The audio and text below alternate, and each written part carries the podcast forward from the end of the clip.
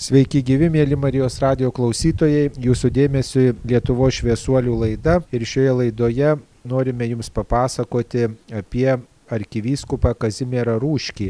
Tiesiog turbūt daugelis klausytojų, daugelis mūsų brolių seserų Lietuvoje nėra net ir girdėję apie tokį ganytoją, bet jis yra mūsų tautietis, nes gimė apie Marijampolės labai egzotiškam kaime, kurio pavadinimas Džendželiauka. Tai tikrai lietuviškas kaimas ir visai prie Marijampolės suvalkyjos širdyje. Gimė 1836 metais sausio 6 dieną, bet jo vyskupiška tarnystė prabėgo ne Lietuvoje, bet Lenkijoje.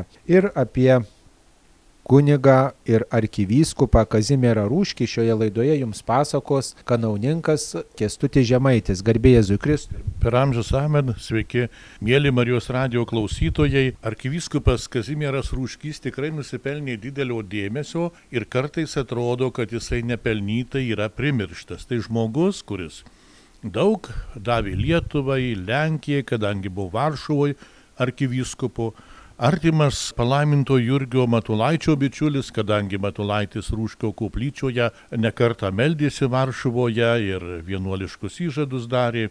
Aplamai mūsų kraštas, kaip ir kiekvienas kraštas, yra turtingas šviesuoliais. Jeigu eitume, na, užnemunę nuo Nemono, nuo Sudargo, nuo Slavikų, matytume, kad nuėjus iki mielos Zūkijos, mes sutinkame ne tik tai keturių Lietuvos vasario 16 dienos signatarų tėviškės arba jų vietas, sutinkame daug žymių politikų, bet ir ypatingai daug dvasininkų.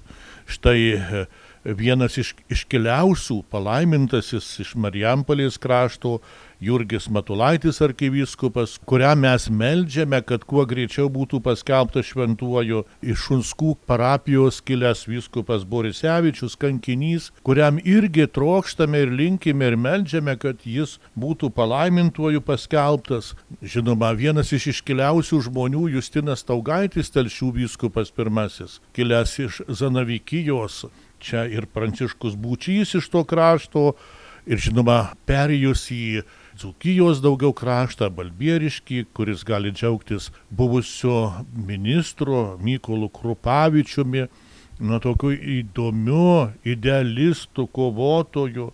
Ir Pranas Kuraitis, ir istorikas Jonas Torturaitis, ir Jonas Raitelaitis, ir kunigas Montvila, kuris žuvo Titaniko laive, ir misionierius Jėzuitas Brūžikas tai būtent šito užnemunės krašto vaikai. Tačiau, mėly Marijos radio klausytojai, šiandien mes jau sustojame prie konkretaus asmens, tai yra arkivyskupo Rūškio, kuris kilęs iš Sasnavos parapijos, jo gimtinė yra tarp Sasnavos ir Marijampolės. Rūškys gimė 1836 metais sausio 6 dieną Čenčialaukos kaime geroje darbščių valstiečių šeimoje. Būsimasis vyskupas savo tėvų namuose įgyjo daug įvairios praktinės patirties.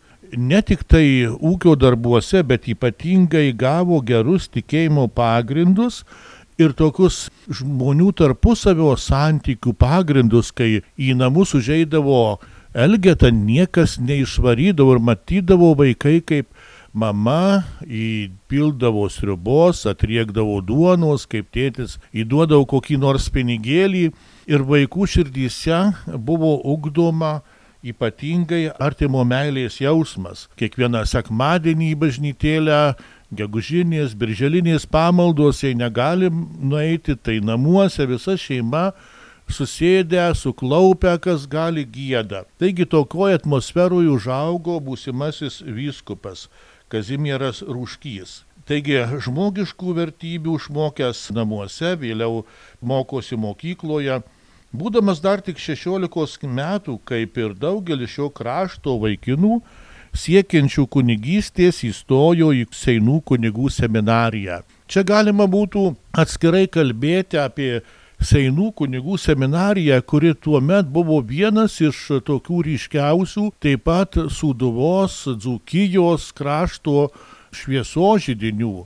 Na, jeigu mes kalbame apie užnemunės tokius ryškiausius šviesulius kaip institucijas, tai buvo Rygiškų Jono gimnazija, Marijampolės mokytų seminarija vėliau po pirmo pasaulinio karo ir žinoma ilgai buvo tokių šviesulio Seinų kunigų seminarija, kuri išugdė nepaprastai daug žymių ir visai katalikų bažnyčiai nusipelniusių dvasininkų. 1858 metais Kazimieras buvo išventintas ir gavo savo pirmąjį paskyrimą, darbavosi vikaru Augustave, vėliau suvalkuose. Tuomet, žinote, Seinų viskupija driekėsi nuo Nemono, nuo Slavikų iki gerokai už Lomžos, taigi viskupas arba valdytojas galėjo kilnoti per visą šitą teritoriją. Ir daugelis Seinuose baigusių seminariją lietuvių papuldavo ir į lenkiškas parapijas, lenkiškoje viskupijos dalyje. Na, pavyzdžiui, net ir šiandien minėtas e, kunigas Juozas Montvila, kurį paminėjau, jo pirmoji parapija buvo Lipske, kur jisai kaip tik patarnavo rytų peigų tikintiesiems unitams. Jaunas kunigas Rūškys netrukus buvo perkeltas į Varšuvos arkivyskupiją ir ten inkardinuotas. Jam reikėjo persikelti į naują aplinką, palikti senus draugus, netgi ir senus pastatus, prie kurių buvo pripratę, seną gamtovaizdį, kurį žvelgdavo kiekvieną dieną pro langą ir galiausiai tą bažnytėlę, kur kasdien suklubdavo, kur aukodavo šventasias mišes, taigi toks persikėlimas irgi yra kažkiek tai varginantis dalykas. Nežinia, kaip jaunų kunigų gyvenimas būtų klostėsis Seinų viskupijoje, tačiau Varšuvoje kunigui Kazimierui buvo pasiūlyta vykti studijuoti į Romą todėl reikėjo palikti pradėtus darbus ir vėl ruoštis naujai kelioniai. Po keliarių metų, 1864-aisiais, jis jau buvo apsigynęs daktaro laipsnį ir grįžo į Varšuvą. Taigi 1864 metai buvo ypatingai sunkus metai Lietuvos ir Lenkijos krašte, nes, galima sakyti, blėso paskutiniai sukilimo žydiniai 1863-4 metų sukilimas. Ir kiekvienas žmogus ir kunigas išgyveno daugelio tremtį, parapiečių tremtį, nes daug žmonių buvo ištremta, daug nubausta mirties bausmė ir žmonės, kaip dabar mes kalbame kasdien apie Ukrainą, taip ten dar labiau žmonės kalbėjo apie sukilimą, nes jeigu ne mano šeimoje, tai kaimyno, tai giminaičio šeimoje kažkas žuvo per sukilimą, kažkas buvo išvežtas, ištremtas į Sibirą. Na ir dar kol kas kunigui busimajam vyskupui reikėjo visą tai išgyventi, žmonių nuotaikas, reikėjo juos raminti. Ir čia jisai skiriamas į Varšuvos kunigų seminariją vicerektoriumi ir ne tik tai yra kaip vadovas, bet dirba ir pedagoginį darbą, dėstė bažnyčios istoriją, moralės teologiją. Jaunas, energingas kunigas seminarijoje neliko nepastebėtas. Jo įtaka greitai tapo pastebima ir mokslo, ir ugdymo srityje. Taigi, vicerektorius Kazimieras Rūškys ne tik kalbėjo, ne tik mokė, bet ypatingai savo asmeniniu pavyzdžiu rodė, koks turi būti žmonių pasitikėjimo vertas sielovadininkas. Taigi čia ypatingai norėčiau pabrėžti tą mintį, kurią pasakiau. Jis stengiasi būti, na, tokio ypatingai gero kunigo pavyzdžiu. Ir tai galbūt daugiausiai suveikė ugdant jo auklėtinius. Jo parengti seminarijos auklėtiniai klierikai darbavosi jau suformuotuose bendruomenėse, parapijose ir paties vicerektoriaus įsteigtame katechumenate. Taigi Rūškys žinojo, kad ir ne tik tai vaikų, bet ir, ir vyresnių žmonių katechetinis ugdymas yra labai svarbus. Ir štai šiandien, jeigu mėlųjų radio klausytojų, kurie dabar mane klausote, paklausčiau, kokia yra šiandien mūsų krašte katalikų didžiausia problema, ko gero viena iš problemų, tai suaugusių katechezijai, kurie turi labai labai mažai žinių ir mes tai pastebime, kaip pavyzdžiui, tėveliai atveda vaikučius į bažnyčią, į, į pamokėlės, patys dažnai palieka juos, išeina į lauką arba tiesiog nekantrai prabūna. Ne visi tokie tikrai, bet yra nemažai, kuriems reikėtų suaugusiems daug, daug dar tikėjimo žinių, kad tas tikėjimas netrodytų kaip keistas ir nesuprantamas. Tik tai kaip tas senovės rašytos Hermo ganytojas, matydamas bažnyčią, su ją kalbėdamas, geriau ją pažindamas, ją labiau pamilsta. Taigi dar 1870 metais, kai buvo pateikta kunigo Rūškio kandidatūra į Varšuvos arkivyskupus, gautas Romos pritarimas. Nu, čia labai šita mintis sklandė tuo met tarp Lenkijos, ypač Varšuvos dvasininkų. Tačiau caro valdžia neleido šio projekto įgyvendinti. Nepaisant to vėliau, kunigas Kazimieras Rūškys popiežiaus Leono XIII paskirtas tos pačios Varšuvos vyskupijos vyskupų pagalbininku. Tapęs vyskupu jis kaip tuo metu dažnai pasitaikydavo dar ir klebonavo. Na mes žinome tokių pavyzdžių ir daugiau. Pavyzdžiui, vyskupas Juozas Oleka buvo Seinų vyskupo sufraganų, tai reiškia pagalbininku, ir kartu buvo Vilkaviško klebonu. Kodėl tai buvo? Nes iš tikrųjų vyskupijos didelės, o susisiekimas tuo metu, na, įsivaizduokim, vyskupo iš Seinų nuvažiuoti kažkur į Lomžą ar dar toliau su arkliuku, prastais keliais, tai užtrukdavo ilgai kelionė pirmyn, atgal, o čia reikėdavo daug dalykų vyskupui tvarkyti, netgi paprasčiausiai mišių taurę pakonsekruoti. Taigi, kai vyskupas pagalbininkas yra šiek tiek tolėliau, jisai to krašto kunigams ir tikintiesiems patarnauja. Vyskupo Rūškio rezidencija buvo įkurta greta Varšuvo Švento kryžiaus bažnyčioje. Ir va su Rūškiu šita parapija tampa ypatingai tokia, na, išskirtinė. Vyskupas savo namuose buvo įsirengęs koplyčią, kurioje vėliau vyko Marijonų vienuolyjei svarbus dalykai. Būdamas vyskupas Ruoškys uoliai dirbo ir socialinį darbą, Tai buvo itin modernus veikimas to meto aplinkoje. Aš čia minėjau popiežių Leoną XIII, kuris ypatingai inicijuoja socialinę bažnyčios programą. Vėliau matysime po Leonų ir kiti popiežiai ir Pijus XI ypatingai kreipia didelį dėmesį, taigi Ruškys seka bažnyčios pulsų. Tai, kaip sakiau, buvo ypatingai modernus veikimas, kuriam katalikus ragino e, popiežius. Nors ir užkys buvo tik pagalbininkas, tai dažnai vyskupui ordinarui sergant iš esmės tvarkė visus vyskupijos reikalus. Kadangi kai kuriuose vyskupijose nebuvo vyskupų, pavyzdžiui, Seinuose, Vilniuje, Lutske ar kai kuriuose kitose vyskupijose, tai Ruškys panašiai kaip ir šiek tiek anksčiau žemaičių vyskupas Motiejus Valančius šventino būsimuosius kunigus atvykdamas į kitų diecezijų katedras. Taigi e, pasitarnavo daugeliui viskupijų ir ko gero jo pašventintų kunigų skaičius buvo ko gero ne dešimtim, bet šimtai skaičiuojamas.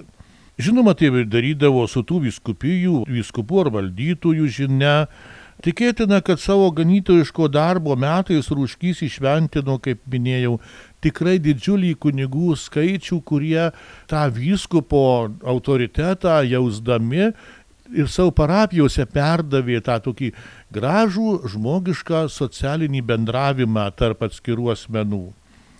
Įdomu, kad vyskupas Rūškys kunigystės sakramentą suteikė ir vienam iš žymiausių Lietuvos istorikų kunigu Jonui Totoraičiui, artimam Jurgio Matulaičio bičiuliui, kuris kartu su Matulaičiu ir Būčiu įstojo į Marijonų vienuolyje. Vyskupas buvo glaudžiai susijęs su Rusijoje veikusiomis slaptomis katalikų bažnyčios vyskupijomis ir buvo savotiškas jų globėjas.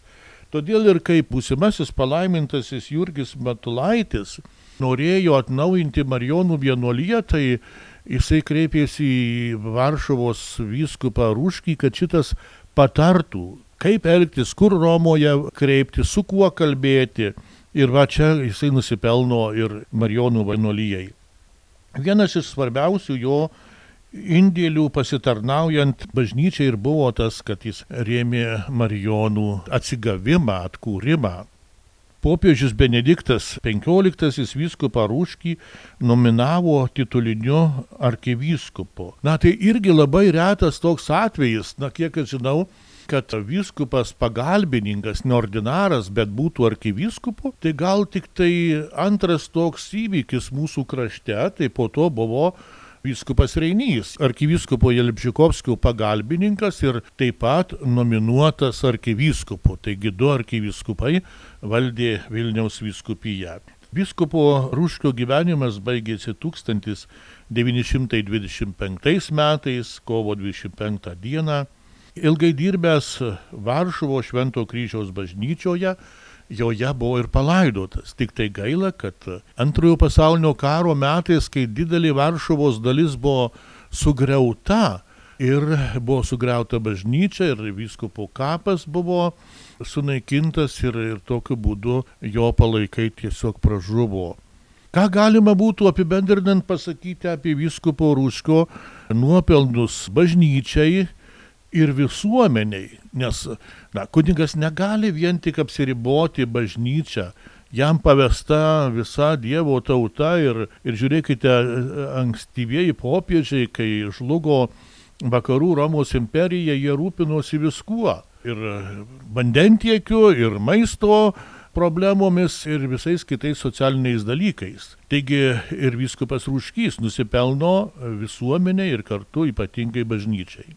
Reikėtų išskirti jojo darbų specifiką. Tai būtent pirma - švietėjas, antra - visuomenininkas ir dvasininkas. Švietėjas, nes jis ir seminarijos profesorium buvo, ir vicerektorium, ir visuomenininkas, ir, ir dvasininkas. 1917 metais Varšuvos universiteto teologijos fakultetas suteikė vyskupui garbės profesoriaus vardą. Vien Švento kryžiaus parapijoje jis kaip klebonas 42 metus rūpinosi tikinčiųjų sielovada. Darbas didelėje parapijoje tai ne tik administracinis darbas, remontai, tikinčiųjų dvasinių reikalų stebėjimas ir patarnavimas, taigi atsidavimas tai bendruomeniai. Taigi šalia vyskupijos reikalų jisai dar darbuojasi kaip sielovadininkas didelėje Varšuvos parapijoje. Sako pamokslus, netgi nelabai įprasta, bet tuo metu jisai lankė ir ligonius ir jeigu kas nors kviesdavo, tai viskupas nesiūsdavo kažkur jisai pats, tiesiog apsirengęs išeidavo pas ligonį, teikė sakramentus, ne tik tai bažnyčioje, bet ir, ir sakiau, ligonių sakramentus ir panašiai. Vyskupas buvo apipiltas labai didelių rūpeščių, nes ir laikai labai neramūs, kaip jau minėjau, nuo sukilimo, po to vėlgi revoliucija Rusijoje, perversmas, spalio perversmas, kuris palietė ir Lenkiją, vėlgi pirmas pasaulinis karas, įvairūs dalykai. Taigi visą tai reikėjo ne tik tai matyti, bet ir išgyventi. Apie viskupą Rūškį atsiminimuose daugelis žmonių liūdė kaip tikrai nu tokį nuostabų žmogų ir puikų ganytoją. Vyskupas Rūškis buvo žinomas ir labai reikalingas ne tik Varšuvos vyskupijoje, bet ir Lietuvoje. Kai reikėdavo kokios pagalbos, kaip jau sakiau, Seinuose nebuvo vyskupo, bet Rūškys pasitarnaudavo, atvykdavo ir šventindavo kunigus. Tačiau yra ypatingai dar vienas svarbus vyskupo, arkivyskupo rūpestis, tai rūpestis persekiojamomis vienuolijomis caro imperijoje. Čia mes galime šiek tiek susijęti ir su tarybiniais laikais, kai mūsų vienuolijos buvo uždarytos, kai panaikintos, tačiau mes žinome, kad tikrai pašaukimų nestokojo ir ko gero buvo daug daugiau vienuolių, brolių, kunigų ir seserų nei dabar. Marijonų vienuolė turėjo keliasdešimt ir jezuitai, ir pranciškonai, ir, ir moterys vienuolės. Na ir jos veikia slapta ir jomis rūpinosi, globojo jas kai kurie vyskupai, kai kurie kunigai, kaip dvasios tėvai. Tai va tokių uždarytų vienuolijų, nes ne visos caro laikais vienuolijos buvo uždarytos, bet tomis uždarytomis veikiančių arba veikiančiomis pogrindyje, netgi ir sukurtomis pogrindyje, buvo vyskupo rūškio rūpestis. Jisai talkino minėtam kunigui Senku ir kunigui Matulaičiui vėlesniam arkivyskupui, kaip aiškino ir padėjo atkurti Marijampolėje paskutinį Marijonų žydinėlį, kur jau tik vienintelis kunigas Senkus likęs iš visų, visų pasaulio Marijonų. Ir ta sukcesija nenutrūko dėka Matulaičio, Būčio ir Totoraičio, bet kartu ir dėka vyskupo Rūškio. Toliau reikėtų paminėti, įvertinti vyskupo Rūškio vaidmenį būtent jo santykį su šitais suvalkyjos vyrais, tai būtent Matulaičiu ir kitais. O gal žinoma apie jo lietuvių kalbos mokėjimą, būdamas turbūt Lenkijoje ir nepamiršo lietuviškai kalbėti ir dažnai atvykdavo į savo gimtąjį kaimą? Tokių žinių nėra likę apie jojo atvykimus. Matote, tie atvykimai ir išvykimai sunkiai fiksuojami. Pavyzdžiui, kaip archyvuose gali istorikai užfiksuoti, kad klebonas buvo išvykęs iš parapijos. Dabar tai čia, žinot, per dieną galima nuvažiuoti iš Marijampolės į Vilnių, sugrįžti ir dar kažkur nuvažiuoti. Tuo metu, jeigu klebonas išvyksta kažkur, netgi iš Marijampolės į kokius einus, tai yra tikrai kelių dienų kelionė ir tada parapijos metrikuose randame kitų kunigų parašus, bet to klebono parašo nėra. Sakykime, suteikti sakramentai arba užsakytos mišios, jo rašto nėra. Ir istorikai daro, kad tuo metu jojo parapijoje nebuvo. Sunku pasakyti, ar vyskupas Rūškys atvykęs iš Varšuvos į Seinus, į Seinų katedrą pašventinti naujų kunigų, ar jisai neapsilankydavo savo tėviškėje. Manau, kad nors tuo metu nebuvo tokio labai didelio įpročio dažnai sugrįžti į namus, bet manyčiau, kad Rūškys ko gero apsilankydavo, tuo labiau, kad ir Sasnava buvo labai artima jo draugams Marijonams. Dar gal keletą žodžių tarkite apie tai, kad štai 1918 metais buvo paskelbta Lietuvos nepriklausomybė, o jisai tuo metu darbavosi Lenkijoje. Įdomu, su kokia nuotaika priėmė štai tą Lietuvos valstybės tokį statymąsi, gal kokių nuotrupų yra žinoma. Kiek yra žinoma, jis iš tikrųjų mylėjo Lietuvą, tai buvo jo tėvynė. Kalbą jisai mokėjo labai gerai, kadangi užaugo lietuviškoj šeimoje, lietuviškam kaime ir gimnazijoje mokėsi lietuviškai ir Seinų seminarijoje. Tuo metu buvo labai daug klierikų iš Marijampolės, iš šitos viskupijos krašto, ypatingai Rygiškių Jono gimnazijos mokiniai ten stodavo. Tai nemanyčiau, kad jisai užmiršo šitą kalbą, tuo labiau, kad ir bendravo su lietuviais, kaip jau sakiau, ir Matulaičiu, ir kitais tuometiniais kunigais. Žinoma, tuo met buvo mada kalbėti lenkiškai. Tai be abejo tikrai Varšuvoje, parapijoje, kūrijoje jis tikrai kalbėjo lenkiškai. Įdomus kitas faktas, kaip jisai liko ir po Lenkijos valstybės atsikūrimo, po caro imperijos griūties. Nes Matulaitis, palaimintasis, Vilniuje nebegalėjo išlikti. Aplamai čia yra įdomus klausimas, kokį pasą Matulaitis turėjo savo stalčiuje, ar jisai sugebėjo paimti lietuvišką pasą. Be abejo, jis išvažiavo į Vilnių tikriausiai su dar caro imperijos pasu, nes Lietuvos pilietybė tik 1919 metais tas įstatymas. Ir va viskupas Karosas gauna tą pasą lietuvišką ir užgrūstina Seinuose lenkiškąją visuomenės dalį. Ar Matulaitis įsigijo lenkišką pasą, ar ne, nu, nežinau. Aš manau, kad Rūškys tikrai po caro imperijos griūties turėjo lenkišką pasą, Lenkijos pilietybę ir jisai, kai viskupas tenais ir, ir toliau viskupavo. Bet vad įdomus dalykas tas, kad lietuvis Lenkijoje arkiviskupų tai yra retas atvejis toksai, jau kaip kalbėjom prieš laidą, Švento Kazimiero brolis kardinolas buvo Krokovos arkivyskupu, bet tai žinoma tie seni laikai, o, o šiais laikais matyti Rūškys tikrai buvo didelis autoritetas. Gal dar keletą žodžių tarkite apie jo pamaldumą. Štai draugavo su Marijonais, ar čia buvo tokia draugystė, kad štai kraštietis iš Marijampolės krašto, tuomet Jurgis Matulaitis, vėliau palaimintasis Jurgis Matulaitis buvo jo bičiulis, kaimynas, galima galbūt ir taip pasakyti, ar tiesiog gal tas prielankumas Marijai, Marijonų vienuolyjei buvo rūškio gyvenime, ką žinom apie jo pamaldumą. Na, iš tikrųjų, vien tas faktas, kad jisai bendravo su tokiais labai dvasingais žmonėmis ir jei jūs paminėjot Matulaitį, jeigu geografiškai žiūrint, tai Rūškio tėviškė persikėlus per Šešupę yra Vincento Senkaus paskutinio Marijono Baltojo ir netrukus Lūginė Matulaičio tėviškė. Tai jie tiesiog, nu, galima sakyti, tokioj vienoj linijoje. Rūškys iš tikrųjų buvo labai pamaldus ir jam būtų nesisekę vadovauti ir globoti pogrindį esančias vienuolijas iš tikrųjų patikėkit žmogus, kuris neturi gilaus pamaldumo, tokią misiją netliks, jam bus sunku.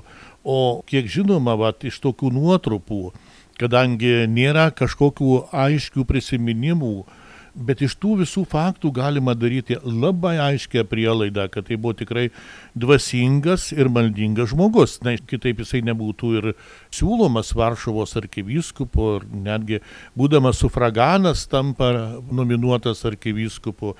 Taigi galima sakyti, kad šita asmenybė buvo pasipuošusi tiek dvasinėmis dorybėmis, tiek bendražmogiškomis dorybėmis. O dar viena tokia detalė šitų modernių laikų žmonės šviesuolius mes esame matę nuotraukose ir maždaug įsivaizduojam, kaip jie atrodė ir jums teko, pavyzdžiui, užtikti kur nors archyvose, kaip atrodė arkivyskupas Kazimieras Ruškys, gal koks aprašymas buvo, ar buvo aukštas, ar plonas, ar storas.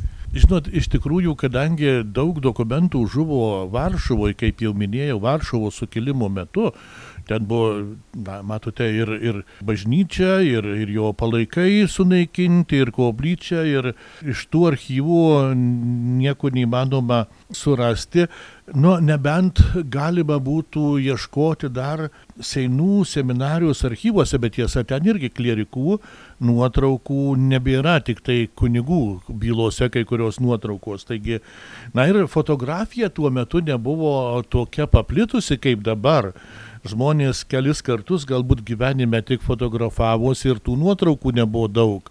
O dabar tai mes turime tų nuotraukų ir albumuose, ir kompaktuose, tai sunku būtų pasakyti tikrai apie jo išvaizdą. Jeigu kada pavyktų ką nors rasti iš jo, jo raštų ar, ar kažkokių kitų dokumentų, galima tiesiog tada tikrai pasidalinsiu su visais klausytojais. Ką dar pridurtumėt apie šį Marijampolės krašto žmogų, kuris vat, įbrėžė Lenkijos bažnyčios istorijoje tokią žymę ir prisidėjo taip pat ir prie Lietuvoje gyvenančių dvasininkų kelionės, tikėjimo ir formacijos? Na, žinot, kažkada popiežius apie palaimintą Jurgį Matulaitį taip išsireiškė homilijoje, jisai stengiasi būti vertas Kristaus. Manyčiau, kad šitą pačią popiežiaus Jono Pauliaus antrojo citatą galima būtų pritaikyti ir arkivyskupui Rūškiui. Jo gyvenime buvo svarbiausia būti vertu Kristaus. Dar tokia įdomi detalė, kad arkivyskupas Kazimieras Ruškys mirė 1925 metais, bet kaip sakoma, mirė kovo 25-ąją, o kaip dabar žinome, kad kovo 25-ąją mes švenčiame viešpaties apreiškimo švenčiausiai mergeliai Marijai iškilmę. Tai tiesiog Marijos globa turbūt buvo reikšminga Kazimiero Ruškio gyvenime, jo labiau, kad jis prisidėjo ir prie Marijonų vienuolijos atnaujinimo, buvo palaikytojas ir palydėtojas palaiminto Jurgio Matulaičio Žemaičio gyvenime. Taigi, mėly Marijos radio klausytojai, šioje laidoje girdėjote pasakojimą apie arkivyskupą Kazimierą Rūškį, kuris gimęs Marijampolės krašte Sasnavos parapijoje 1836 metais gimė Džendželiaukos kaime, tokiam egzotiško pavadinimo kaime, kuris ir dabar yra iki šių dienų išlikęs ir baigė Seinų kunigų seminariją, buvo jos rektoriumi ir buvo taip pat arkivyskupas Varšuvoje. Ten ir mirė 1925 metais. Todėl svarbu mums pažinti mūsų kraštiečius, kurie ne tik tai Lietuvos istorijoje, Lietuvos bažnyčios gyvenime darbavosi, bet taip pat buvo susiję ir su kitų kraštų bažnyčių bendruomenėmis ir palydėjo kitų kraštų tikinčiuosius į Dievo karalystę. Tegul mūsų krašto šviesuoliai iškilų žmonės būna įkvėpimų šaltiniu mums visiems. Šioje laidoje apie Kazimierą arkivyskupą Rūškį kalbėjo kanauninkas Kestutis Žemaitis. Ačiū sudė. Sudėjau, mėly klausytojai.